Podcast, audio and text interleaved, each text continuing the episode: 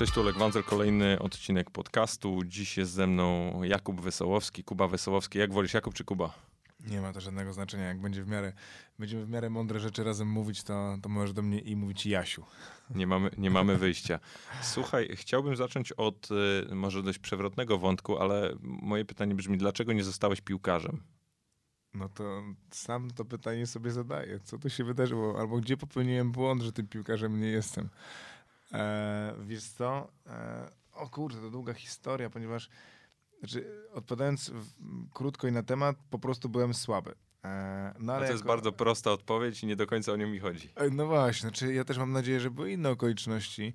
No zakładam, że słabszym ode mnie się udawało robić coś wyjątkowego. Wiesz, ja grałem na bramce, tak więc moje warunki fizyczne, 1,80 m to nie jest szczyt szczytów. To jeszcze były takie czasy, kiedy no ci chłopcy, no, no, koledzy z bramki, no to byli naprawdę wielkie chłopy. Tam żadna skoczność się nie liczyła, po prostu kto miał dwa metry stawał na, na bramce. A na początku jedyny, jedyny klucz, według którego na bramce stawiano, to albo ten, którego nie lubili, albo grubasa. No ja byłem grubasem, tak więc postawili mnie na bramce. E... Ale grubasa, którego lubili. Lubili chyba, tak, tak. Ja tam dużo, dość dużo gadałem, wiecznie uśmiechnięty chłopak, więc raczej problemu z aklimatyzacją w nowym czy w swoim środowisku nie miałem problemu, nie miałem. Natomiast stanąłem na tej bramce i, i tam się okazało, że wcale już tak kolorowo nie jest, że tych treningów jest coraz więcej i, i wymagają od ciebie jakiejś skoczności, jakiejś, mm, jakiejś zwinności. E, i, I, powiem ci szczerze, że to, tam dostałem koszmarnie w dupę e, na tych treningach. I to jeszcze wiesz, co ci dużo będę mówił. Ja jestem rocznik 8.5, tak więc pokolenie 8.5 na drukarzu. No, tam, tam, nie było wiesz, ziewania, tam były naprawdę trudne treningi. E, rocznik 8.4 zdobył mistrza Polski, więc to w ogóle wszyscy w glorii i chwale tam mm, tych chłopaków E, ci chłopcy po tym klubie się przemieszczali, a my, my aspirowaliśmy, żeby też jakieś laury odnosić. Natomiast to jest taki, wiesz, etap e, wczesnego liceum, tak więc to nie jest super profesjonalna piłka. Natomiast w głowach rozgrywasz mecze życia co, co tydzień bez wątpienia. Mm, nagrałem z, no, było dwóch na bramce z Kamilem Szupę. Kamil był na pewno lepszy ode mnie, to nie podlega żadnej dyskusji, ale jak bramkarz był trochę wariat, więc, więc czasami karnie siadał na ławce i wtedy ja wchodziłem. Natomiast, e, natomiast e, to dobry czas był, tam się nauczyłem palić chyba. Natomiast, natomiast okolice drukarza Park Skaryszewski, no te okolice nie lubią spokoju i nudy, tak więc e, e dobry czas. W ogóle tak sobie myślę, że ten, ten poziom sportowy, tam parę razy jakieś możliwości rozwoju szybszego były, ale ten poziom sportowy, jak dzisiaj na to patrzę z perspektywy czasu, większego znaczenia nie miał. Ten, ten element rywalizacji, mm, działania w grupie, jakiejś zbiorowości, mm, tej nieprzewidywalności tego sportu. No to jest coś, co młodych urzeka kompletnie. No i romantyczna historia, wiesz, no możesz być Mr. Nobody, a na 90 minut meczu jesteś po prostu gościem, na którego wszyscy patrzą, tak więc tak, to był fantastyczny czas, zajebisty. E, a, a ja miałem trochę kontuzji, e, jakichś głupich, później e, trochę, trochę...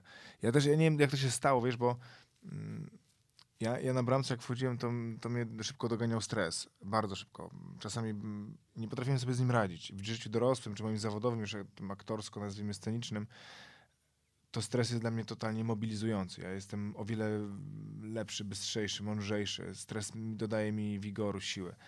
A, mm, a na bramce tak nie było. Na bramce czułem niepewność, wiesz. Pierwsza zła interwencja i, i czuję, że te osoby na ciebie patrzą. Potem taki ważny mecz. Wiesz, no, to, jest, to jest dosyć trudne, bo w życiu młodego piłkarza taki mecz jak na przykład z Polonią Warszawa rośnie do rangi super wydarzenia, że to są jakieś jeszcze eliminacje. Co to była jakaś liga trampkarzy starszych? Nie pamiętam, co to był. Jakiś taki mecz, mecz, mecz życia, który miałem rozegrać. No ale niestety dzień wcześniej była jakaś impreza i tam wiesz, jak to nie impreza, hu. jak masz lat 14 czy 15, jesteś głupi i niemądry i kompletnie nie wiesz, jak się zachować, jakieś dziewczyny się pojawiły i chcesz, wiesz, dobrze wypaść. Ale nie, nie na meczu, rozumiem. No, mecz był dzień później i, i no i w, chyba w 18 minut trzy bramki puszczone i tak naprawdę. A to był ten moment, w którym zakładam, że gdyby wtedy ten mecz inaczej się potoczył, to mogłoby różnie też i moje życie dalej się potoczyć, bo, bo zapewne nadal byliby lepsi, ale być może ten sport zacząłby odgrywać taką dominującą rolę w życiu. On zawsze był taki do, na dokładkę, zawsze był traktowany jako pasja. Do dzisiaj w ogóle sport jest jako pasja, ale nigdy nie był, nigdy go nie traktowałem jako mm, sposób na życie. On był integralną i nadal jest integralną częścią życia, ale to nigdy nie, był, to nie było to światełko, do którego w tym tunelu zmierzałeś. To jak to się stało, że tak naprawdę od y, tego 14-letniego, grubszego dzieciaka No. na bramce doszło do biegania 100 kilometrów, robienia triatlonów i ogólnie rzecz biorąc raczej sportowego trybu życia? Mm, no Bo zakładam, nie- że była to długa droga. Była długa droga, tylko wy, y, ja nie chciałem tam wracać. Ja nie chciałem wracać do otyłości. Ja Nie, wiesz, nie ma, to nie jest tak, że ja mam jakiś problem z, z tym, że byłem grubasem, bo i tak bym sobie poradził w ogóle w życiu. To jest luz, ale wiesz, no to już nie chodzi nawet o za, zauważenie bądź nie z perspektywy kobiet. No, jesteś młodym chłopakiem, chcesz być, wiesz, doceniony, chcesz robić wrażenie, chcesz przyciągać wzrok, no nie wiem, chcesz być, chcesz być zauważony, o tak. Eee, tyle tylko, że ta otyłość była we wszystkim dla mnie zła, no. Była i, i, to, i to jest ciężar, i to jest jakieś zmęczenie, i to jest jakaś niechęć, i to jest brak siły do takiego codziennego, codziennego stawiania czoła wyzwaniom. E, I ja tam po prostu nie chciałem wracać. Ja, nawet jak skończyłem piłkę, to, mm, to robiłem bieganie. Jak nie bieganie, to zacząłem się bawić ten triatlon. Bo wiesz, no ja jestem gościem, który wieczorem siada i tam pół litra lodów to tak na luzaku wjeżdża. Więc wóz albo przewóz, albo robię te, albo robię te lody i rano idę biegać, no albo idziemy w kilogramy. Natomiast y, w dużym uproszczeniu e, ja zawsze traktowałem sport jako frajdę. To nigdy nie był przykry obowiązek. Nawet jak biegałem swoje bardziej wyczynowe czasy, oczywiście amatorsko. Jakiś maraton, jakiś, nie wiem, jak schodziliśmy poniżej 40 minut w biegu na 10 km, albo jak przygotowywaliśmy się do tej stówy w Kaliszu, to to zawsze było tak, że ja każdemu z trenerów mówiłem, chociaż ja jestem bardzo konsekwentną osobą i jeżeli do czegoś się, za coś się biorę, to, na, to, to się nie, nie migam. To zawsze mówiłem, słuchaj, nadejdzie taki moment, w którym nie możemy przekroczyć azymutu. To cały czas musi być frajda i przyjemność. W sensie ja trenuję 6 razy w tygodniu, ale jeżeli siódmego dnia nagle stwierdzę, że nie chcę, bo nie, to ja nie pójdę na ten trening, bo to, to nie może być coś opresyjnego, to nie może być dla mnie przykre i obowiązkowe. To ma być po prostu zwykła frajda i to, co w sporcie jest totalnie fantastyczne, szczególnie z perspektywy faceta. No masz, w sporcie się nic nie liczy. Nie ma znaczenia, ile masz lat, nie ma znaczenia, jakie masz wykształcenie, jaką masz zasobność portfela, czy jakie szczyty świata widziałeś. Nic się nie liczy. Przez ten element od startu do mety tak naprawdę liczysz się tylko ty i twoje słabości. E, pamiętam, jak kiedyś mi ktoś przed pierwszym maratonem, mm, jak tam trochę o tym zacząłem czytać, chciałem wystartować w zawodach, ale się na tym kompletnie nie znałem, to było, wiesz, ja maraton pierwszy przebiegłem, że mnie skomał chyba 12 lat temu. To nikt tego jeszcze wtedy nie biegał. To były jakieś pojedyncze osoby w porównaniu z masowością biegów, która ma miejsce dzisiaj. Ale ktoś mi powiedział, że największym wyzwaniem będziesz ty sam i, i wiesz, i, i twoje słabości w głowie. Ty no totalna bójda. E, największym wyzwaniem są plecy przeciwnika przed tobą. Mhm. Ale, ale to w rozumieniu takim, że mm, to, że on cię irytuje, czy to, że ty do niego biegniesz, w, w jakim... To, że jest przed tobą. Okej, czyli to, a nie, nie, nie, bo, bo ja, bo ja zawsze, wiesz, ja zawsze myślałem, ja nigdy akurat maratonu nie biegłem, ja e, nie znoszę długodystansowych e, dyscyplin jakichkolwiek. E, najdłuższy jakiś dystans, który biegłem, to było chyba 15 km i to raczej jest tak, że idziesz do lasu i biegniesz, niżeli Mhm. byłby to jakikolwiek spęd. I, I zawsze się zastanawiałem, po pierwsze, jak to, jak to jest możliwe, że się nie czujesz klaustrofobicznie w tym tłumie, który biegnie obok ciebie, bo szczególnie na starcie to może wydawać się Mhm. super, super dziwne.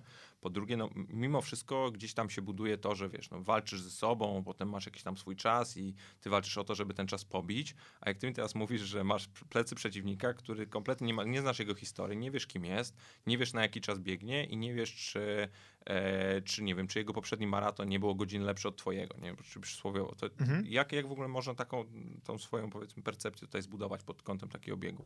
Wiesz co, ta klaustrofobiczność, o której wspomniałeś, ona jest na początku bardzo odczuwalna. Tyle, że na początku masz poczucie jakiejś takiej większej zbiorowości, tego, że to, co jest w ogóle najfajniejsze w każdym biegu, tak naprawdę to jest dzień przed, kiedy odbierasz pakiety, kiedy, wiesz, każdy się mierzy wzrokiem, każdy jeszcze jest zwycięzcą.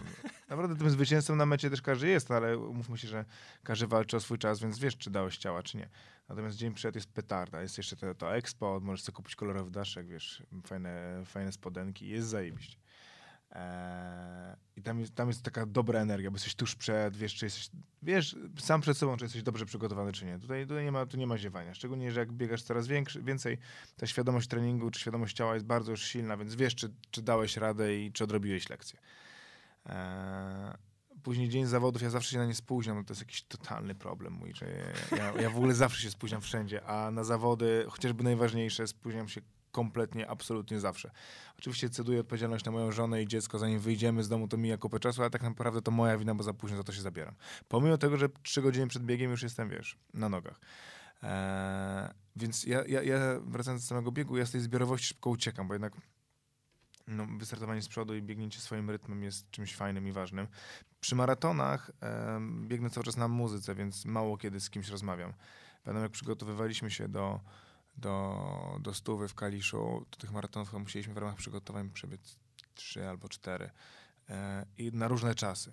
Więc jak biegliśmy na te wysokie czasy, znaczy na te niskie czasy, na, na, na szybkim tempie, to to jest zupełnie inny bieg niż te, które biegniesz na luzie, bo jak biegniesz na swój, nie wiem, chcesz, jak biegniesz poniżej 3,30, no nie wiem, w zależności od tego, jak to ma wydolność, ale łap poniżej 3,30, 3,20, no tam, to, tam nie ma miejsca na nic, tam nie ma miejsca, tam po prostu są oczy wlepione w podłogę i od samego początku nie jest fajnie, bo jesteś od razu zmęczony i po prostu liczysz na to, że wytrzymasz.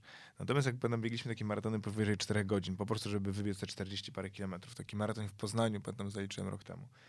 Biegliśmy na 4 godziny 10, na, na 4 chyba 0,5 to było, to było absolutnie cudowne, doskonałe wrażenie. To było e, wspomnienie. To było, to było tak, że zaczynasz dostrzegać w tym biegu rzeczy, których wcześniej nigdy nie widziałeś. Zaczynasz dostrzegać mm, po pierwsze publiczność z dłuższej trasy, której ja, ja nigdy ich nie, nie dostrzegałem. E, ludzie zaczynają sobie pomagać, ktoś się potknie, ktoś się przewróci, ktoś komuś poda rękę, ktoś e, gdzieś gra jakaś orkiestra, zatrzymujesz się chwilę, robisz z nimi selfie, wiesz, to jest zupełnie inna, to jest fantastyczna przygoda.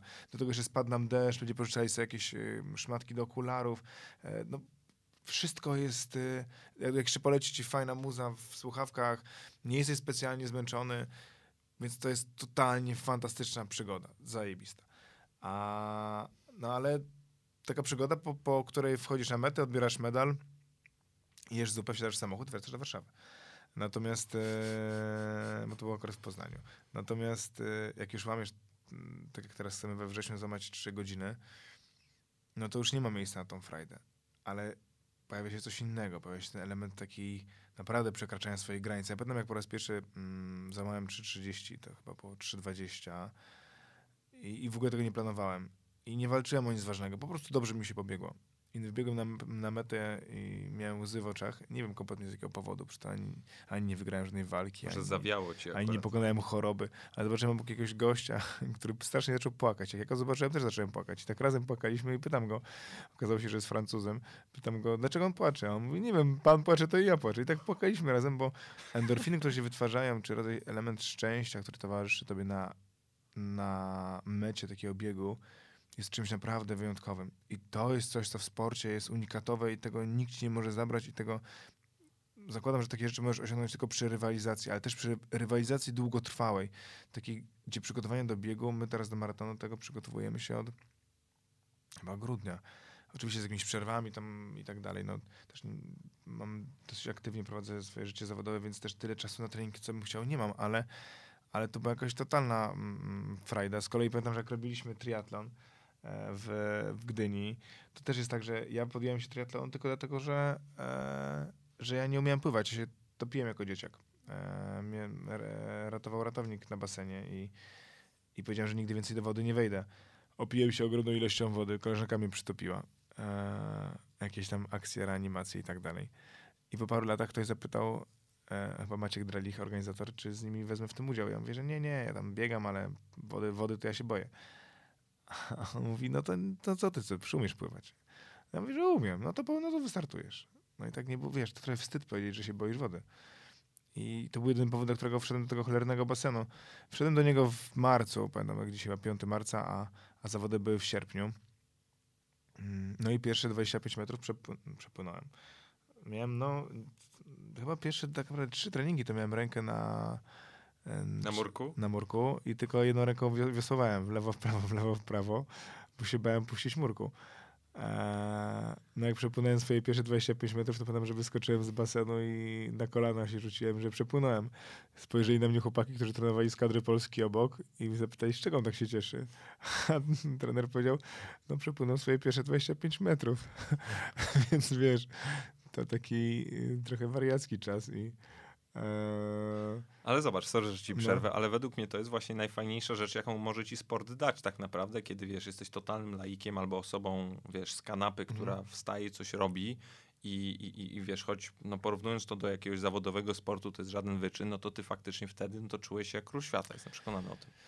To mm, tak, ale wydaje mi się, że ten element satysfakcji, który daje sport już na takim bardziej zaawansowanym etapie uprawiania, chociaż nadal amatorskim, jest nieporównywalnie większy. Ten rodzaj satysfakcji. Bo e, ja pamiętam jak e, to, to śmieszna historia, jak, jak, mm, jak wszedłem do wody przed e, triatlonem pierwszym i wiesz, no, pianka, temperatura wody, wszystko jest inaczej niż na basenie. E, chociaż tam parę treningów w open water zrobiłem, ale, ale to jest wszystko inaczej. I do tego dochodzi element stresu, bo widzisz, gdzie masz dopłynąć. Masz przepłynąć prawie kilometr w głąb mm, Zatoki Gdańskiej, a i później wrócić. Pamiętam, że po treningu miałem tam tętno chyba 185 po, takim, po takiej rozgrzewce, gdzie to jest u mnie tętno już prawie umierające. Więc ja teoretycznie do tej wody nie powinienem wchodzić. Jeszcze podszedł do mnie trener i mówi, "Y, w ogóle Kuba, tak na początku to widzę, że trochę się stresujesz, tak, tak wejdź w tą wodę, nie wbiegaj jak wszyscy, po prostu na spokojnie wejdź. To jest dwa kilometry, później masz 90 na rowerze, półmaraton. Naprawdę, to, że będziesz wchodził, a nie wbiegał, to nic nie zmieni akurat w twoim wypadku. Ja mówię, dobra, dobra, trener. Jak wystrzelił ten dźwięk startera, jak wszyscy zaczęli biec, no to przecież ja nie mogłem iść, tylko biegłem, jak debil. Więc wbiegłem, biegłem, ruszałem rękoma, biegłem, poczułem się strasznie zmęczony po tym płynięciu. Okazało się, że nie wiem, ja odpłynąłem 150 metrów.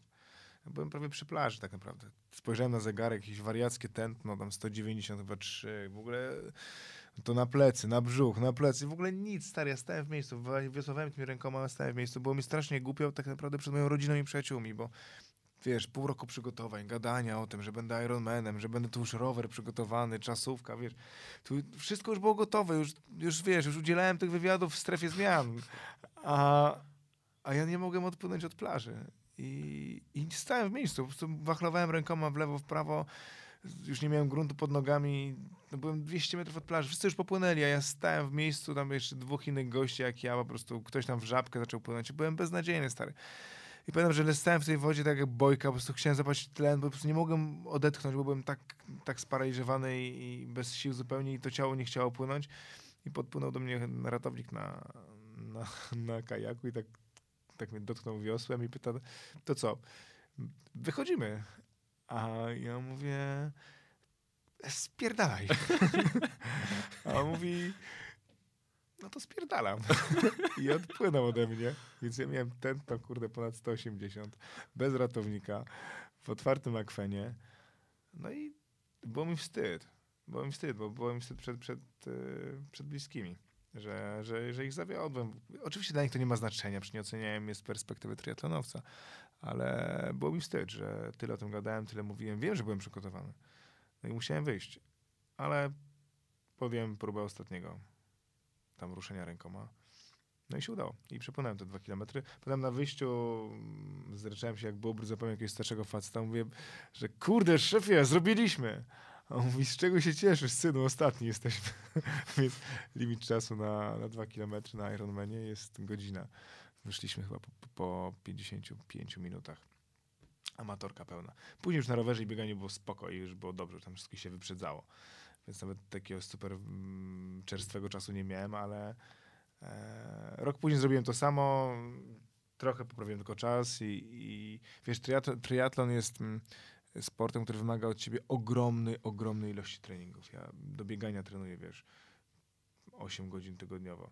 A tutaj musisz dołożyć jeszcze dwa, dwa, e, dwa, dwie dodatkowe dyscypliny i to dyscypliny, które są zjadają, zjadają twój czas, bo basen trzy razy w tygodniu, szczególnie w zimę jest czymś okropnym po prostu, jak trzeba wstać 5.45 i to jest, to jest stary, to jest, to jest synonim zła i bólu i cierpienia. 5.45 wstajesz na basen, jedziesz na Warszawiankę, tudzież na, na Akademię Medyczną. Straszne to jest i tego nie chcę powtarzać. A rower jest czasochłonny. Na rower idziesz na 6 godzin, na 5 godzin. Musisz przejechać 100 km, musisz przejechać, nie wiem, 120. Mm, Więc mam nadal przyjaciół, którzy w to się bawią. Mm, Teraz w ogóle drużyna Leszcze Team. To są goście, którzy ostentacyjnie nie trenują. E, gorąco do nich kciuki trzymam. E, Natomiast e, to wiesz, to jest sport, który już, pod który podporządkowujesz życie, a na to w moim wypadku czasu nie ma. No właśnie się, się nad tym zastanawiałem, bo ostatnio moi, moi bliscy znajomi y, się zbierali właśnie taką grupką chyba czterech czy pięciu osób na, na triatlon w Gdyni na różnych, e, na różnych dystansach Mhm. I, i jak ja wiesz, ja ich słuchałem na miesiąc tak naprawdę przed tym, przed tą podróżą i przed samym wyścigiem, no to wiesz, oni mówią, że wszystkiego mają dość, że w ogóle nie mają dnia, że Mhm. wstają wkurwieni, zmęczeni. Jedyne o czym myślą to o tym, co zjeść, y, jak się wyspać, jak się rozciągać, jak trenować i wiesz, jeszcze obok tego masz jakieś życie prowadzić, nie? A tak naprawdę finalnie nie jesteś prozawodnikiem, że podporządkujesz pod to całe swoje Mhm. życie pod względem czasowym, finansowym, rodzinnym, a tak naprawdę no to, to, to tak to wygląda. Ja się zastanawiam, czy jak, jak można w tym wszystkim nie zwariować i mimo wszystko nie zatracić tej pasji, o której ty mówisz, bo jak ja sobie o tym myślę, i ja bym miał dzisiaj się takiego triatlonu przygotować, to okej, może raz w życiu bym to zrobił, ale nigdy więcej. Nie? Bo po prostu ja nie, nie po to finalnie nie jesteś sportowcem, żeby, żeby tak się po prostu zażynać każdorazowo, nie? Co, wydaje mi się, że to jest też powód, dla którego ja odszedłem mm, z tego triatlonu, nawet tego amatorskiego, bo to, bo to jest ogromna ilość czasu. Też nie chcę być najgorszy. No wiesz, to ja mogę w ramach żartu powiedzieć, że pierwsze pływanie to byłem słaby, no ale za drugim, trzecim czy czwartym razem chcesz już te wyniki robić lepsze. E, natomiast e, no, no to u mnie był powód właśnie to, to, o czym wspomniałeś, to był chyba bezpośredni powód, dla którego z triatlonem na chwilę zrobiłem sobie przerwę, ale też mi się urodziło dziecko, więc to nawet już nie jest tak, że wiesz, mogę pójść do pracy godzinę później, godzinę później z niej wyjść. No tutaj masz albo spędzasz czas z dzieckiem, albo nie. No tutaj nikogo nie oszukasz, to nie jest coś, co zrobisz później, bo to dziecko później śpi. Więc w moim wypadku tak akurat było. Oczywiście każdy ma różne etapy w życiu. Być może czasami sport jest rodzajem katalizatora. Masz nie wiem, bardzo stresującą robotę, nie wiem, w domu coś się nie układa i, i chcesz gdzieś dać temu upust. Natomiast jak gadam z triatlonistami, to zakładam, że połowa z nich to są, jest na etapie, kiedy związki im się rozpadają, a druga połowa właśnie im się rozpadła. Bo wiesz, no, nie, ma, nie ma coś za, nie ma, nie ma darmowych lunchy, no. Jak spędzasz 20 godzin na treningu tygodniowo, to to jest 20 godzin, które wyrwałeś ze swojego życia prywatnego, tudzież zawodowego.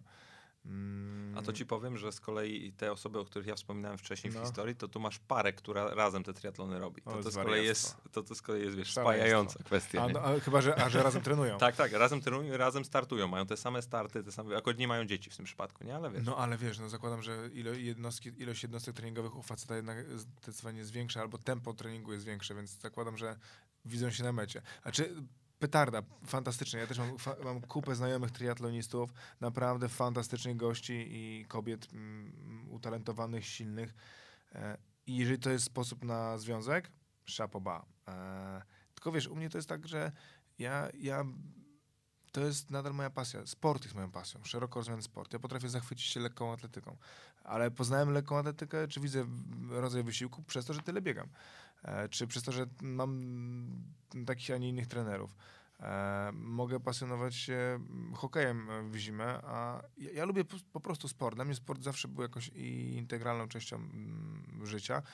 E, a wiesz, e, ten sport zawodowy e, no bo ja, ja miałem coś takiego, że zawsze co roku chciałem zrobić sobie kolejny, kolejną rzecz, odhaczyć. Wiesz, to jest mamy krótkie życie i e, musimy je przeżyć każde, każdemu z nas, wydaje się, że musimy je przeżyć intensywnie, kolorowo. E, ja wymyśliłem sobie, że na 30 chcę zrobić triatlon i tak też uczyniłem wtedy. A na, na urodzenie dziecka dwa lata temu zrobiłem te 100 kilometrów biegu. No teraz trudno jest mm, wymyślić kolejną rzecz, bo z perspektywy amatora trudno znaleźć bieg większy, no bo są biegi po 250 km i po górach, które biegniesz tam 4 dni. Tyle, że to nie jest coś, co rozpala tak wyobraźnię. Ja jestem jednak, wiesz, jestem romantykiem, jestem gościem, który wychował się na książkach i wielkich rzeczach, więc 100 kilometrów brzmi dumnie, brzmi coś wyjątkowego, ale 150 już nie robi takiego, takiego wrażenia. No okej, no 100, 150 i tak jest wariactwo. Eee, jak biegliśmy stówę pod Kaliszem, to też trzeba mieć świadomość, że ja to mm, biegłem z ekipą, mm, ze swoim teamem całym. Nas tam, miałem swojego mm, masażystę czy gościa, który mi tam pomagał z, z jedzeniem, miałem przygotowaną suplementację, e, miałem ekipę TVN, bo tam nakrę- kręciliśmy program o, o, o takim o Bartku, dla którego tą kasę zbieraliśmy, więc przy mnie jechał cały czas samochód, więc to jest zupełnie inne biegnięcie niż sam, wiesz, masz to zrobić. Miałem tam bardzo mądrych trenerów, y, wsparcie, wiesz, sponsorów tam technicznych, więc y, ja, ja nie mogłem na nic narzekać. Ja miałem wszystko, tylko wystarczyło przebiec 100 kilometrów. To o wiele prostsza rzecz niż samemu to, o to dbać. Natomiast pamiętam, jak tam się pojawiliśmy pod tym kaliszem i dzwonię do tego hotelu i mówię, że przyjeżdżam na zawody i czy na pewno nie ma żadnego wesela u was w hotelu, bo to niedziela była. A oni mówią, nie, nie, wesela nie ma, nie, spokojnie, może pan spokojnie spać. No i tak przyjechaliśmy o siódmej jeszcze z kumplem, operatorem, reżyserem. Kurde, okazuje się, tam była studniówka. Więc stary, ten, ten mój hotel huczał po prostu. Huczał totalnie. To była studniówka albo osiemnastka jedna. No i tak oni skończyli chłopcy imprezę pod moim oknem o mm, 3.30, a ja o czwartej wstawałem na ten bieg. Stary, to było niesamowite. Pojawiliśmy się gdzieś w lesie. Gdzieś w okolicach e, Kalisza właśnie wspomnianego. Ja jestem przyzwyczajony do, wiesz, do biegów miejskich, kolorowych, balony, y, dziewczyny, Ludzie. które machają pomponami, kurde, głośna muza, e, konfetti, wszystko jest taka pełna petarda, jest w ogóle super, jesteś mistrzem świata. A tam jest na luzaku, wiesz, stoisz pod remizą, wyjeżdża wóz strażacki, przyjeżdża jakiś gość, a pytam, gdzie tu jest start, a on bierze spray i, i na asfalcie rysuje, rysuje taką linię i mówi, no to będzie start. Nie no, ja sobie pan robi. Nie, to będzie start. Nagle z lasu wychodzą jacyś goście, jak tacy nomadzi w ogóle, pojawiają się znikąd. Pra, prawdziwi biegacze, wiesz, to w ogóle mówisz, co tutaj się dzieje, na miły Bóg.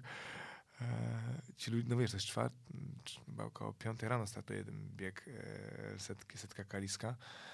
Ci ludzie skądś się pojawiają, są tacy bardziej skupieni, są starsi zde- zdecydowanie od ciebie. No i, no i nagle ktoś strzela starterem i zaczynasz biec. Masz przebiec 100 kilometrów. Eee, jest zimno, masz muzykę na uszach i ciągle do ciebie ktoś gada. Ja ściągam tą muzykę i mówię, panowie, państwo to muzyczka posłucham. A ten pan mówi, panie, jak pan będzie sobie muzyczki słuchał, to pan nie dobiegnie. No dobra, dobra, dobra, jasne. No i tak wiesz. Drugi, trzeci raz coś do mnie gada, po czwartym razem zdjęłem te słuchawki i zacząłem z nimi rozmawiać. No, teraz z perspektywy czasu wiem, że gdyby oni mnie do tej rozmowy nie zaprosili, to ja bym tych stówy nie zrobił. Bo to jest 12,5 godziny, stary. To jest 12,5 godziny biegu, w którym naprawdę myślisz o wszystkim. Ja z tymi czterema gośćmi, którzy mnie holowali ewidentnie, oni coś sobie bzdurali, że chcą mi pomóc i po prostu mi pomogli. I gdyby nie oni, to dzisiaj rozmawialibyśmy o tym, jak, jak epicko poległem gdzieś na 70 kilometrze. Eee, oni... To, to o czym gadaliście podczas czegoś takiego? O, No stary, ja wiem o nich wszystko. Oni wiedzą o mnie wszystko. O, dos- o, przez 12 godzin czterech gości w różnym wieku e, potrafi gadać dosłownie o wszystkim. E, I to w ogóle luz. Pierwsze 20 km to w ogóle to nikt nie odczuwa zmęczenia. Wiesz, tam są goście, którzy biegają po 20 maratonów rocznie. Tam teraz po, po 30 parę. Więc to te, dwa, te pierwsze 20 km w ogóle nie wiesz, kiedy ci mija. 30 nie wiesz, kiedy ci mija. Tam biegniesz od, od przerwy... Mm, od przerwy jedzeniowej do przerwy jedzeniowej. Czyli masz chyba co 5 km masz taki break na, na coś, herbatkę, coś. No to wiesz, to w ogóle co to jest 5 km? Pach, pach, pach, pach, pach. Eee, to jest trochę tak, że wiesz, to jest, co to jest 100 km? No 100 km nie, nie zmienia nic, no nie zmienia twojego życia, nie zmienia całego świata. A uwierz mi, że na mecie jesteś kompletnie innym człowiekiem. Eee, to jest tak, że myślisz sobie, że po 40 km będzie spoko i jest spoko. Po 60 łapiesz się na tym, że jesteś trochę zmęczony, a masz jeszcze do przebiegnięcia maraton. A po 80 twoje ciało mówi fuck off. Zostaw mnie, odwal się ode mnie zupełnie. Nie biegnij, boli cię wszystko. Bolą cię stare paznokcie u rąk, bolą cię spojówki oczu, bolą cię uszy, od cza- boli cię dosłownie stary wszystko. Każde uderzenie o asfalt jest po prostu męką. Za- jesteś zhiperwentylowany, nie wiesz w ogóle kompletnie, co się dzieje. Wydaje ci się, że biegniesz po ulicy, a biegniesz po rowie, ponieważ twoje oko za późno daje sygnał do mózgu, albo mózg pracuje za wolno i ty nawet nie wiesz, gdzie jesteś, stary. W ogóle biegniesz, w mie- nie wiesz, gdzie jesteś, nie potrafisz nic sobą ogarnąć swojego ciała. Mało tego. Ludzie do ciebie mówią, a ty się odwracasz w złą stronę, bo nie jesteś w stanie oszacować, z której strony dobiega do ciebie dźwięk. Jesteś po prostu chodzącym trupem. Eee, ja myślałem, że ostatnia pęta, te 20 km, to będę, wiesz, bieg jak, tu, wiesz, papież, będę pozdrawiał ludzi.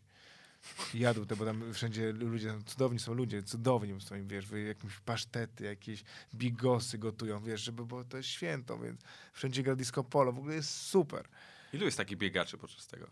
Bo mówisz o tej waszej czwórce, nie? Ale Kurczę, nie wiem, nie pamiętam, 200 nas biegło? Nie chcę skłamać, może 400, nie, chyba 200 chyba. E, i, I to wiesz, jest za dnia jeszcze wychodzi słońce. Słońce jest chyba plus 8 stopni. Wychodzi ci promyk słońca i on, on cię parzy. Po prostu mówisz, kurde nie, czujesz się jak Dracula, po prostu słońce cię wypala ci wszystko. Oczy, policzki, ramiona, jakieś fragmenty ciała odsłonięte i stary, e, e, i nie chcesz tego już po prostu, po prostu nie chcesz. E, no ale też nie chcesz się poddać, no. Po prostu nie chcesz się poddać. Nie chcesz wylądować na 80 którymś kilometrze z takim i takim czasem. W dupie to masz. Chcesz przebyć 100 kilometrów. Eee, limit czasu jest 12,5 godziny. Mm, ja to przebiegłem w 12,26 chyba. I nie byłem w stanie powiedzieć nic. Byłem, a byłem super szczęśliwy. Był ten Bartek, do którego zbieraliśmy kasę, więc w ogóle przygotował jakiś tam prezent dla, dla mojej róży, więc no, cudowna historia. Eee, ale pamiętam, jak jakiś wywiad mieliśmy nakręcić. Wsadzili mnie w samochodzie i mówią, no chodź, nagramy wywiad. I Ja otworzyłem drzwi i wypadłem z samochodu, bo nogi zostały w środku. Nie, jesteś, nie, nie, kontrolowa- nie kontrolujesz ciała, w ogóle niesamowite. To jest, jesteś tak wycieńczony. Masz zakaz w ogóle brania gorącej kąpieli, żeby ci nie odpłynęła, wiesz, żebyś nie zwariował i nie upadł pod tym prysznicem.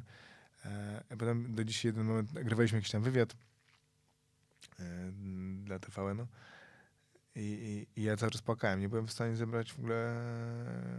Nie byłem w stanie się ogarnąć. Stary, leciałem mi łzy non-stop. A jak powiedział mi jeszcze kierowca, który przez 12,5 godziny koło mnie jeździł podczas tego biegu, bo on cały czas mi tam towarzyszyli, powiedział, że on jest za bardzo zmęczony, że on e, nie może dzisiaj wracać. No to ja się zryczałem jak bubr i, i zacząłem zamawiać taksówkę z Kalisza, że ja wracam, ja muszę wrócić do domu. Ja sobie obzdurałem, że ja muszę wracać do żony, która miała tam wiesz, za trzy tygodnie rodzić. Ale finalnie wróciliśmy e, składem TVN-owym całym. Chwała za to chłopakom, że, że dojechaliśmy. Eee, I wiesz co, ja finalnie... Mm, ja finalnie nie czułem się jakoś super zmęczony. Bolałem mi mięśnie, stawy. Mm, Widocznie byłem chyba nawet nie, nie najgorzej przygotowany, bo nie... Ale jak oni powiedzieli pod koniec, że widzimy się tam za trzy tygodnie na kolejnym biegu, to powiedziałem okej, okej. Ale z tyłu głowy, głowy wiedziałem, że nigdy więcej ich nie zobaczę, bo ja nie wezmę udziału w tych zawodach po raz kolejny. Nie chcesz tego, to już jest ponad twoje siły. To już wiesz, że są jakieś limity takie ludzkie, że to już jest za, za, za dużo. Teraz oczywiście minęły, minęło półtora roku i, po głowie mi chodzi jakiś tam dłuższy bieg, bardzo mocno. E, Ja mam chyba do tego po prostu predyspozycję, więc aż tak się nie męczę jak inni. Ale no ten sport y, przedefiniował wiele rzeczy. Wiesz, sport, y, sport bardzo mi się też przydał przy biznesie i nadal przydaje, że w sporcie to, co jest totalnie istotne, albo to, co ja z mojej perspektywy jako gościa, który nie jest jakoś fantastycznie utalentowany, to ja muszę nadrabiać wszystko konsekwencją. Determinacją i konsekwencją. Tym, że idziesz na trening wtedy, kiedy inni nie idą. To jest twoja przewaga. I w biznesie jest podobnie, że nadrabiasz pewne rzeczy konsekwencją. Że wtedy, kiedy inni odpoczywają, ty pracujesz dalej. No to jak patrzysz sobie w takim razie na, na miejsce, w którym żyjemy, no, mam tutaj na myśli przede wszystkim na, nasz kraj, to Mhm. Nie przeraża cię to, jak mało ludzi mimo wszystko sport uprawia i jak nie jest to gdzieś popularne, żeby ten sport e, stawiać na pierwszym miejscu, właśnie ten, ale ten stricte amatorski, ten taki, który cię uczy tej pasji, uczy cię tej konsekwencji, uczy cię tej etyki pracy, bo e, już kilkukrotnie gdzieś w podcaście o tym rozmawiałem z moimi gośćmi, gdzie no, wspólnie jesteśmy przerażeni tym, oczywiście mówi się wiesz, o poziomie otyłości i tak dalej, ale mi się wydaje, że to jest podstawowa taka rzecz, mianowicie wyjdź i się poruszaj, nie? I już, już tutaj nie mówimy o tym, jak powinieneś się odżywiać, co powinieneś Mhm. robić. Jak wiesz, jak, jak, jak, jak, ja ciebie słucham, no to to jest dla mnie taki idealny, modelowy przykład gościa, który ma predyspozycję do tycia, czy jest po prostu grubszy, Mhm. bo tam podobno predyspozycja Mhm. do tycia to jest jakiś mit, no ale powiedzmy, że tak Okej. jest. E, I się, wiesz, zawziął wewnętrznie i od lat zasuwa na bardzo określonym poziomie, prze, jakieś przekracza swoje bariery i pokazuje, że można. To ja się zastanawiam, co trzeba zrobić, żeby większość ludzi zobaczyło, że można. Co? Mm, znaczy, moja opinia jest mm, chyba trochę inna, bo ja pamiętaj, że jak ja zacząłem biegać 12 lat temu, długie biegi, mm, to my, żeby mieć kolorowe sznurówki w butach, to ściągaliśmy je chyba z Londynu. Takie, są takie sznurówki z takimi węzełkami, żebyś nie do triatlonu. Bo tego nie było w Polsce. Jedyne kolory, które były ubrane, to były granatowe i szare, ewentualnie czarne. Na biegach było trochę osób, ale bez przesady. Dzisiaj masowość biegów jest absolutnie gigantyczna. Jak jakieś biegałem, to biegałem sam. Bez znaczenia, o której porze, rok, e, o której porze dnia.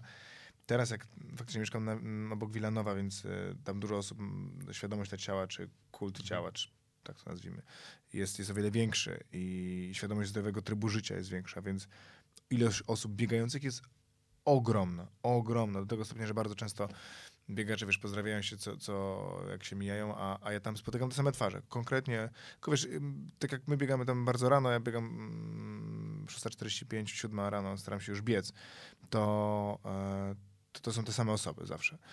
E, ale ilość biegów, jak w sobotę wyjdę gdzieś na rower z córką, ilość osób uprawiających sport jest gigantyczna w porównaniu z tym, co było kiedyś. Ja zakładam, że gdybyśmy wyjechali za granicę, mm, ja akurat buty do biegania, zawsze- gdzieś wyjeżdżam na, na weekend, do pracy czy, czy na jakiś urlop, zawsze jedna przegródka są rzeczy sportowe. Zawsze. To jest tak od, od, od 10 lat.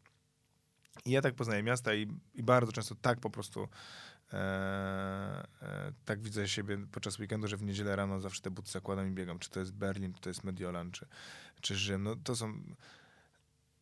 I tam nie widzę aż tak wielkiej ilości osób biegających. Oczywiście jest dużo osób uprawiających sport, ruszających się. Ktoś robi jakiś, e, nie wiem, jakiś crossfit, ktoś robi jakieś tam mm, kajaki. Tam jednak te sporty, ich, ich mnogość jest o wiele większa niż w Warszawie. W Warszawie jednak masz biegaczy, Rowerzystów. Trochę może. rowerzystów, nie? Chociaż jakbyśmy, jak, pamiętam, byliśmy w Toskanii, no to zwariowałem, no bo ilość osób uprawiających, wiesz, i rowery, e, ilość osób uprawiających Rowery górskie, szosowe kolarstwo jest A. gigantyczna, gigantyczna po prostu. Tam na każdym podjeździe masz kogoś, kto akurat wspina się na, na zakręt. Oczywiście są takie miejsca jak Majorka czy Wyspy Kanaryjskie, gdzie to jest taka typowo nawet triatlonowa destynacja, gdzie wszyscy jeżdżą tam po prostu trenować, bo masz wieczną wiosnę, wieczne podjazdy, cudowne trasy i wypożyczalnie rowerów, gdzie za 20 euro wypożyczasz no, rower mm, totalną miazgę, petardę I tanie loty. i tanie loty, więc no nie masz najmniejszego powodu, żeby tam nie jeździć, bo trenowanie w Polsce no, no, nie jest zasadne w tym momencie, jeżeli oczywiście nas na to stać, no to tam warunki do treningów są fantastyczne. Eee, więc... e, Tylko, sorry, No. tylko zobacz, e, bo mówisz cały czas o tym, że no, spotykasz biegaczy, spotykasz rowerzystów, ale mimo wszystko są to raczej już e, no, osoby... Semi-pro. Albo no, no, no, semi-pro, okej, ale, ale mi chodzi przede wszystkim o tym, że są to osoby starsze, albo przynajmniej osoby, wiesz, po 20 którymś roku życia, które już są, wiesz, albo gdzieś pracują, albo mają Mhm. jakiś określony tryb życia, mają zazwyczaj jakieś bardzo małe dzieci, albo dzieci nie mają, albo są właśnie w jakimś drugim czy związku, mają 40 parę lat i, i też dopiero zaczęły biegać i faktycznie gdzieś tam dbają o siebie. Mi raczej chodzi o to, jak stworzyć takie środowisko, w którym te dzieciaki będą faktycznie zasuwać. Bo ja teraz widzę takie, mówiłeś o Wilanowie, to ja widzę takie obrazki, że masz dwu, dwoje super wysportowanych rodziców, ojciec zasuwa właśnie crossfit, siłownia, jakieś takie rzeczy, mama biega, ćwiczy jogę, robi różnego tego, tego, tego typu historie, a dzieciaki są grube, e, jedzą fast foody, nie piją wody i, i jest taka totalna dysproporcja. Ale wiesz, ale widzą w domu pewne wzorce. Wydaje mi się, że czasem będą podążać tą ścieżką, no bo to, jest, to u mnie w domu akurat nie było kultu sportu, e, ale, mm, ale rodzice byli bardzo aktywni, więc, e, więc to ci się gdzieś udziela, wydaje mi się. E, ja mam takie wrażenie, że osób, które wiesz, świadomość żywieniowa, czy w ogóle zdrowego trybu życia bez wątpienia wzrasta wtedy, kiedy zaczynasz tym się interesować, czyli uprawiasz sport, no bo Mhm. okej, no wychodzisz, bo to jest tak, no możesz wyjść na godzinę biegania, no ale jeżeli ten trening zrobisz źle, no na początku zakładam, że należy wyjść, natomiast z czasem no, też chcesz robić jak najbardziej efektywnie, chcesz, żeby były jakieś tego efekty, chcesz, żeby zaczęło ci to sprawiać przyjemność. Sport nie sprawia przyjemności od razu paradoksalnie, tylko dopiero po jakimś czasie, jak pojawią się jakiekolwiek wyniki, albo pojawi się takie poczucie komfortu. Też sport, miejmy świadomość, to jest, to jest praca nad własnym ciałem. E, mogą pojawić się kontuzje, mogą pojawić się sporty czy dyscypliny, które akurat nam nie pasują i których nie należy wykonywać, bo nie wiem, że dziewczyna chce schudnąć, to nie zawsze mm, jazda na rowerze będzie podstawowym tematem do schudnięcia. Są pewnie inne, szybsze drogi. Też pytanie, dlaczego to robimy? Jeżeli mm, walka z nadwagą jest priorytetem, to zakładam, że każde ćwiczenie aerobowe jest y, wskazane, ale czy robienie crossfitu już? No, no chyba nie do końca.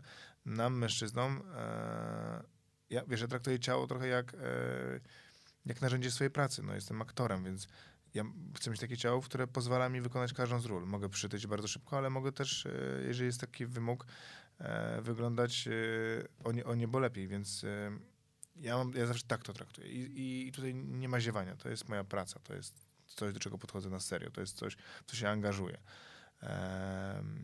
Mm, Tak jest w moim przypadku. Każdy musi znaleźć swój drive, swój motor napędowy do tego.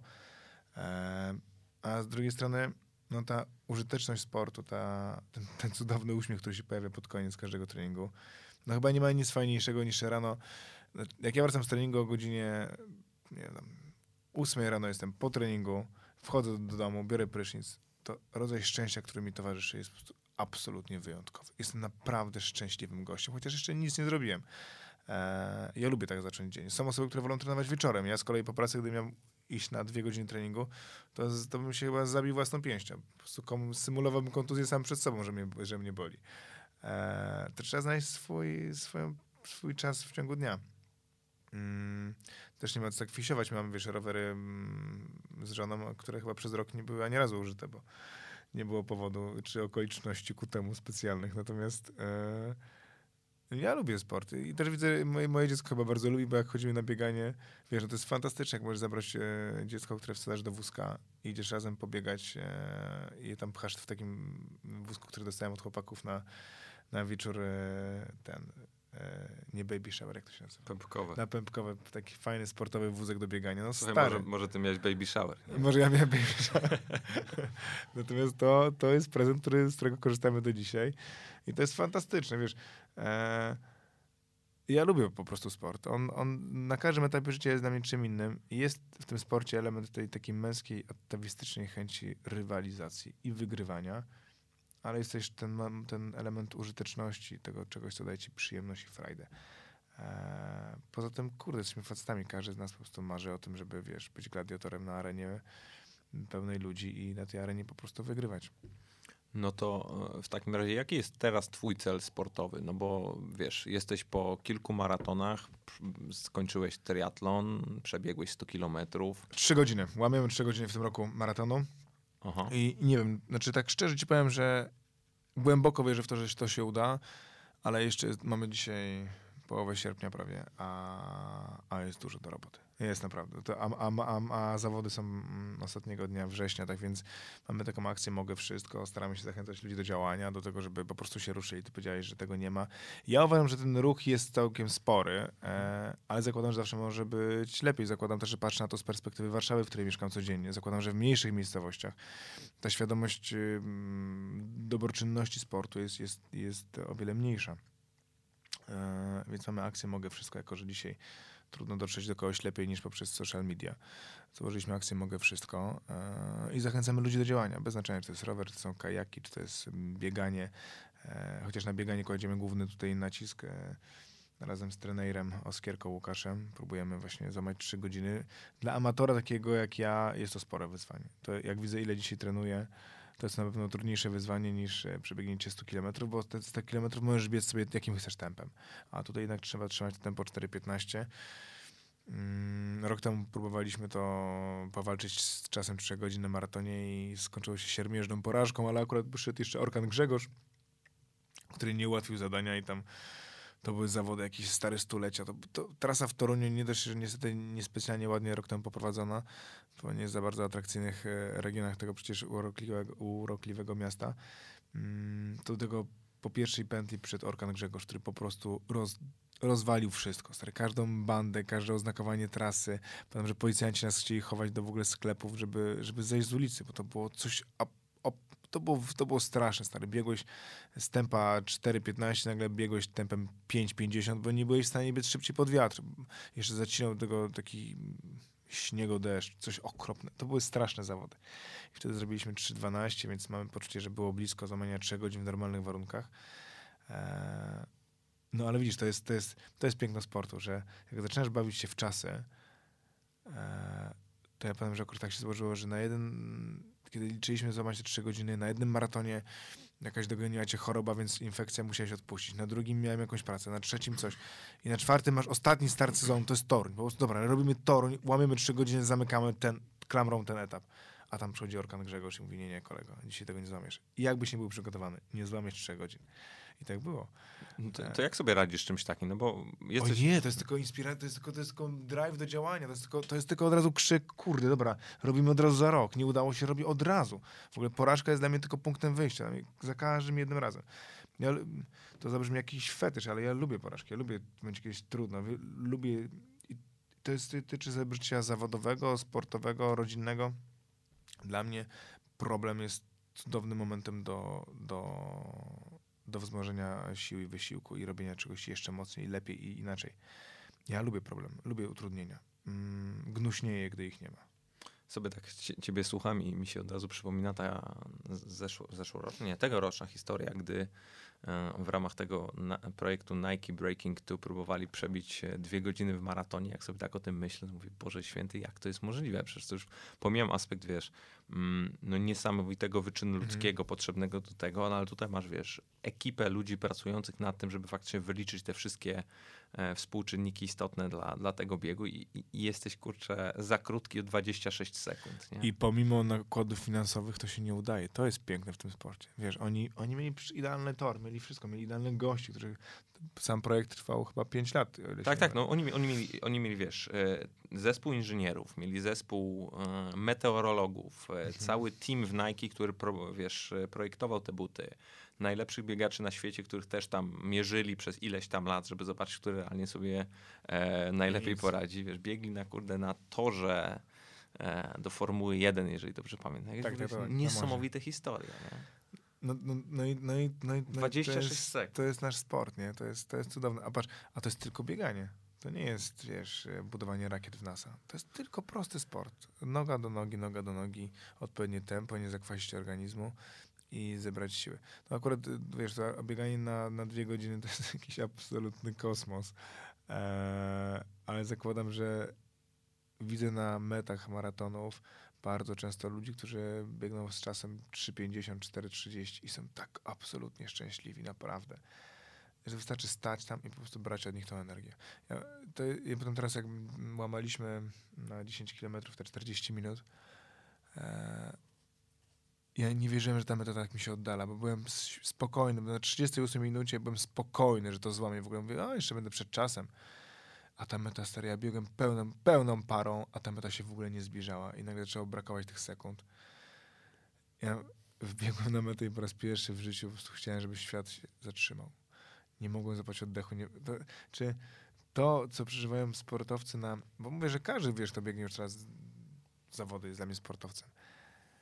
To, co przeżywają sportowcy, wiedzą, wiemy tylko my sami w głowach. To jest coś absolutnie genialnego. I oczywiście po drugiej stronie masz piłkę nożną, o której rozmawialiśmy przed rozpoczęciem nagrania, że w niej jest też element właśnie wyjątkowości. Tam masz 11 gości i bardzo często wśród nich jest jeden słaby, albo dwóch słabych, albo... Ale na, na pod koniec nie ma żadnego znaczenia. To, ile który z nich kosztował, za jakim grał klubie, kto go trenował, nie ma żadnego znaczenia. Przez 90 minut ktoś musi wygrać. I jakie to jest piękne, że nie zawsze wygrywa najlepszy. Mamy piękną lekką atletykę, cudowny czas, wiesz, tyle złotych medali, drugie miejsce w klasyfikacji generalnej. So what? Masz, okej, to jest cudowne. 400 metrów. Kształt, bach. Pełen czas, wygrywa. Koniec, zamknięty temat. A tu masz 11 gości. Kto był lepszy? No nie wiesz, no. Ktoś był lepszy, ktoś lepszy, ktoś strzelił, ktoś trafił w słupek, komuś nie wyszła piłka, ktoś miał gorszy dzień, ktoś się pokłócił z dziewczyną. Bach. I masz wynik z kosmosu. Więc to jest, y, to też, ja jak biegam sam, to chcę, chcę wygrywać, więc w bieganiu wszystko zależy od ciebie. To tylko ty. Albo odrobiłeś lekcję, albo jej nie odrobiłeś. Nie ma, nie ma żadnego alibi. No, w sportach zespołowych już jest trochę inaczej. Oczywiście piłka nożna pewnie jest takim jedynym sportem, w którym mm, gorsza drużyna może wygrać, no bo ani w kosza, ani w siatę się to nigdy nie zdarzy. No, jak ktoś jest lepszy, to po prostu wygrywa. W piłę bardzo często jest inaczej. Eee, Piłka nożna pozwala się też schować czasami. No tak, no bez, bez, bez wątpienia. No. Akurat ja patrzę na to z perspektywy bramkarza, no to no, tam jak zawalisz, to zawalisz. No. Tam, tam, tam, tam nie jest tak, że jesteś ostatnim obrońcą, który się obciął, ale jest jeszcze bramkarz, a, a boczny mógł dobiec. Nie, nie, tutaj jak jesteś kariusem, to jesteś kariusem po prostu. I e, zawsze mi szkoda, wiesz, ja, ja, ja całe lata byłem bramkarzem i jak sam pokazywałem te wszystkie wpadki bramkarskie, kurde, to serce ci krwawi po prostu. Chwyta cię od razu. No, sam, sam przecież grałeś na bramce, więc, więc to, jest, to, jest, to jest niesprawiedliwe, ale z drugiej strony to jest tak wyjątkowa, piękna pozycja na, na, na tym boisku. Jako jedyna tak naprawdę, gdzie wszystko zależy od ciebie. Wszystko. Możesz tylko zepsuć. Mało kiedy możesz coś naprawić. Obrona karnego w 90 minucie to jest raz na 100 lat i jeszcze żeby go obronić już w ogóle. Ale zepsuć w 85 bardzo prosto. więc więc e, e, no, oprócz pozycji bramkarskiej to ja ten rodzaj niesprawiedliwości sportowej uwielbiam. Dlatego ja byłem bardzo długo przeciwnikiem w ogóle wprowadzenia awaru. Dla mnie ten element niesprawiedliwości był wpisany w DNA tego sportu. Ma być po prostu wyjątkowo, ma być inaczej. I dzisiaj, jak patrzę na to z perspektywy czasu, to pewnie to doceniam. Eee, tylko, że to wiesz, to sprzyja lepszym po prostu. A w sporcie było, czy w piłce było cudowne to, że wygrywali po prostu słabsi.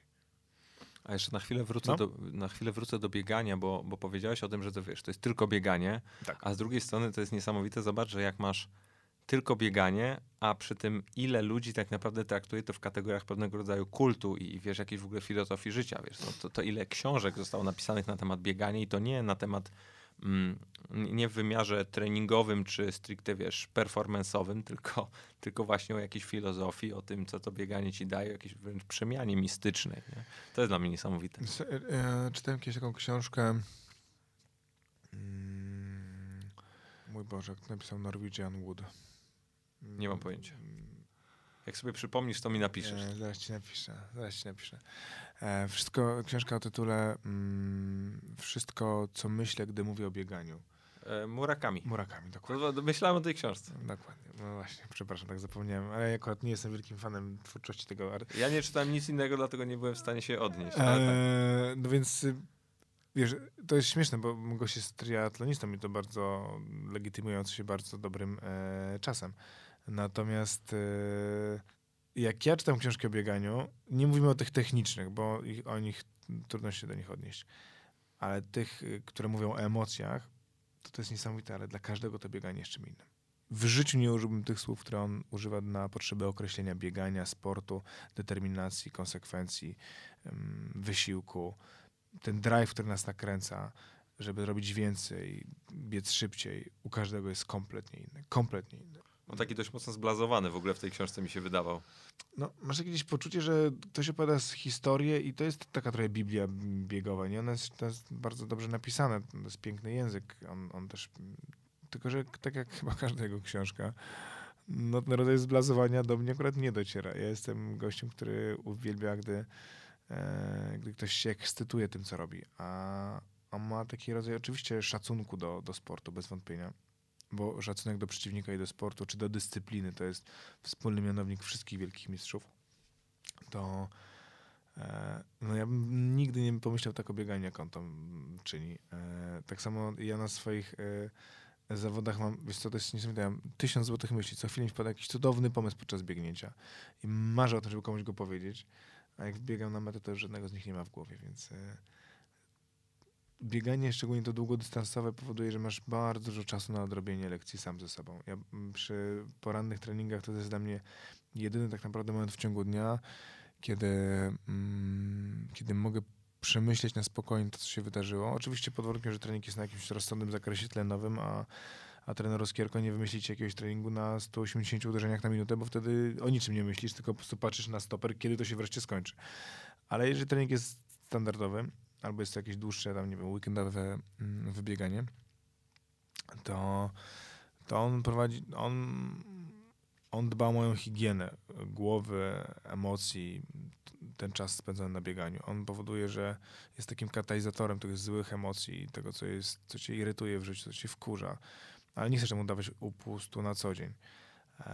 Ja też dużo rzeczy jakoś projektuję wtedy sobie w głowie i mm, co się tyczy kolejnych kroków. e, Masz czystą głowę, masz moment, w którym jesteś... e, Ja lubię być sam ze sobą, e, ale mam też, wiesz, kochającą rodzinę, z którą chcę spędzać czasu jak najwięcej, więc dosyć to trudno pogodzić. A bieganie jest takim momentem, w którym, w którym, faktycznie możesz przez chwilę pobyć sam ze sobą, wrócić na, do tego ja, które, o którym na co dzień zapominasz.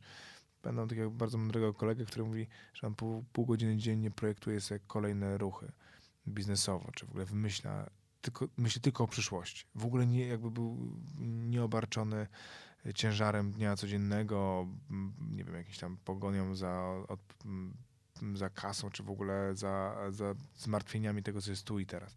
Pół godziny dziennie po prostu projektuje przyszłość. Wydaje mi się, że u mnie na bieganiu jest podobnie, że to jest taki moment, w którym ja zamykam pewne historie, żeby móc pójść dalej, ale z drugiej strony też myślę, co ja bym chciał robić, co dzisiaj sprawia mi przyjemność. Wiesz, a my, ja mam 33 lata. W swoim życiu robiłem tak różne rzeczy. Byłem aktorem, e, sportowcem, e, teraz bawimy się w swój biznes, e, coraz to nowe pomysły rozkręcamy nowe rzeczy, to może efekt tego, że dzięki mojemu, mojej pracy bardzo publicznej miałem przyjemność poznawać wyjątkowych ludzi, naprawdę wyjątkowych. I jeżeli dzisiaj mogę mówić o jakimś rodzaju szczęścia w życiu, to każdy z tych elementów, z których jestem dumny, zawdzięczam też współpracy z drugą osobą. Każdy jeden. Czy to jest film, czy to jest biznes, czy to jest rodzina. Każdy z ważnych elementów życia w pojedynkę to mogę sobie co najwyżej zrobić selfie i też będzie nieostre. A, a cele za każdym razem spełniałem z kimś i mam nadzieję, że tak będzie w przyszłości. Tylko całą sztuką jest wybranie odpowiedniej osoby, nie? No to jak tak na koniec miałbyś jeszcze tą naszą rozmowę No. klamrą spiąć i to podsumować, masz jakąś taką myśl, którą byś chciał ludziom przekazać? Bo to mimo wszystko trochę ludzi tego słucha. Nie, nie, jestem strasznie głupi w takich rzeczach. Nie możesz tak Nie, uważam, nie, wiesz co, uważam, że Nawet coś, wiesz, takie, takie coś, według czego ty żyjesz. Co dla ciebie jest ważne. słuchaj, za każdym razem jak słyszę złote myśli innych osób, to sobie myślę, Boże, jaka głupota. I sobie zawsze obiecuję, nie będę takich głupot gadał, bo każdy, każdy z nas ma inne, in, inny system wartości. Każdego z nas raj, e, rajcują zupełnie inne rzeczy. Każdy z nas ma inny drive. Nie ma jakiegoś uniwersal, uniwersalnego mm, środka na to, żeby być szczęśliwym albo żeby osiągać sukcesy. Dla jednego sukcesem jest skoczenie na bungee, drugiego, dla drugiego sukcesem jest założenie funduszu na miliard y, złotych. No to nie ma znaczenia. E, jesteśmy tak kompletnie wszyscy różni, tak, ale z tych różnic można tworzyć naprawdę wyjątkowe rzeczy. Więc dla mnie mm, mm, jest, je- jest, je- tak naprawdę jest tak sobie myślałem, jechałem do ciebie i tak myślałem, o czym możemy rozmawiać. Nie myślałem, że będziemy rozmawiać tyle o sporcie, ale bardzo długo e, myślałem, tak mi przyszła taka myśl do rzeczy, do głowy, mm, że tak naprawdę jest chyba tylko jedna okoliczność w życiu, bo jestem mega otwartym, uśmiechniętym gościem, bardzo optymistycznie patrzącym na świat.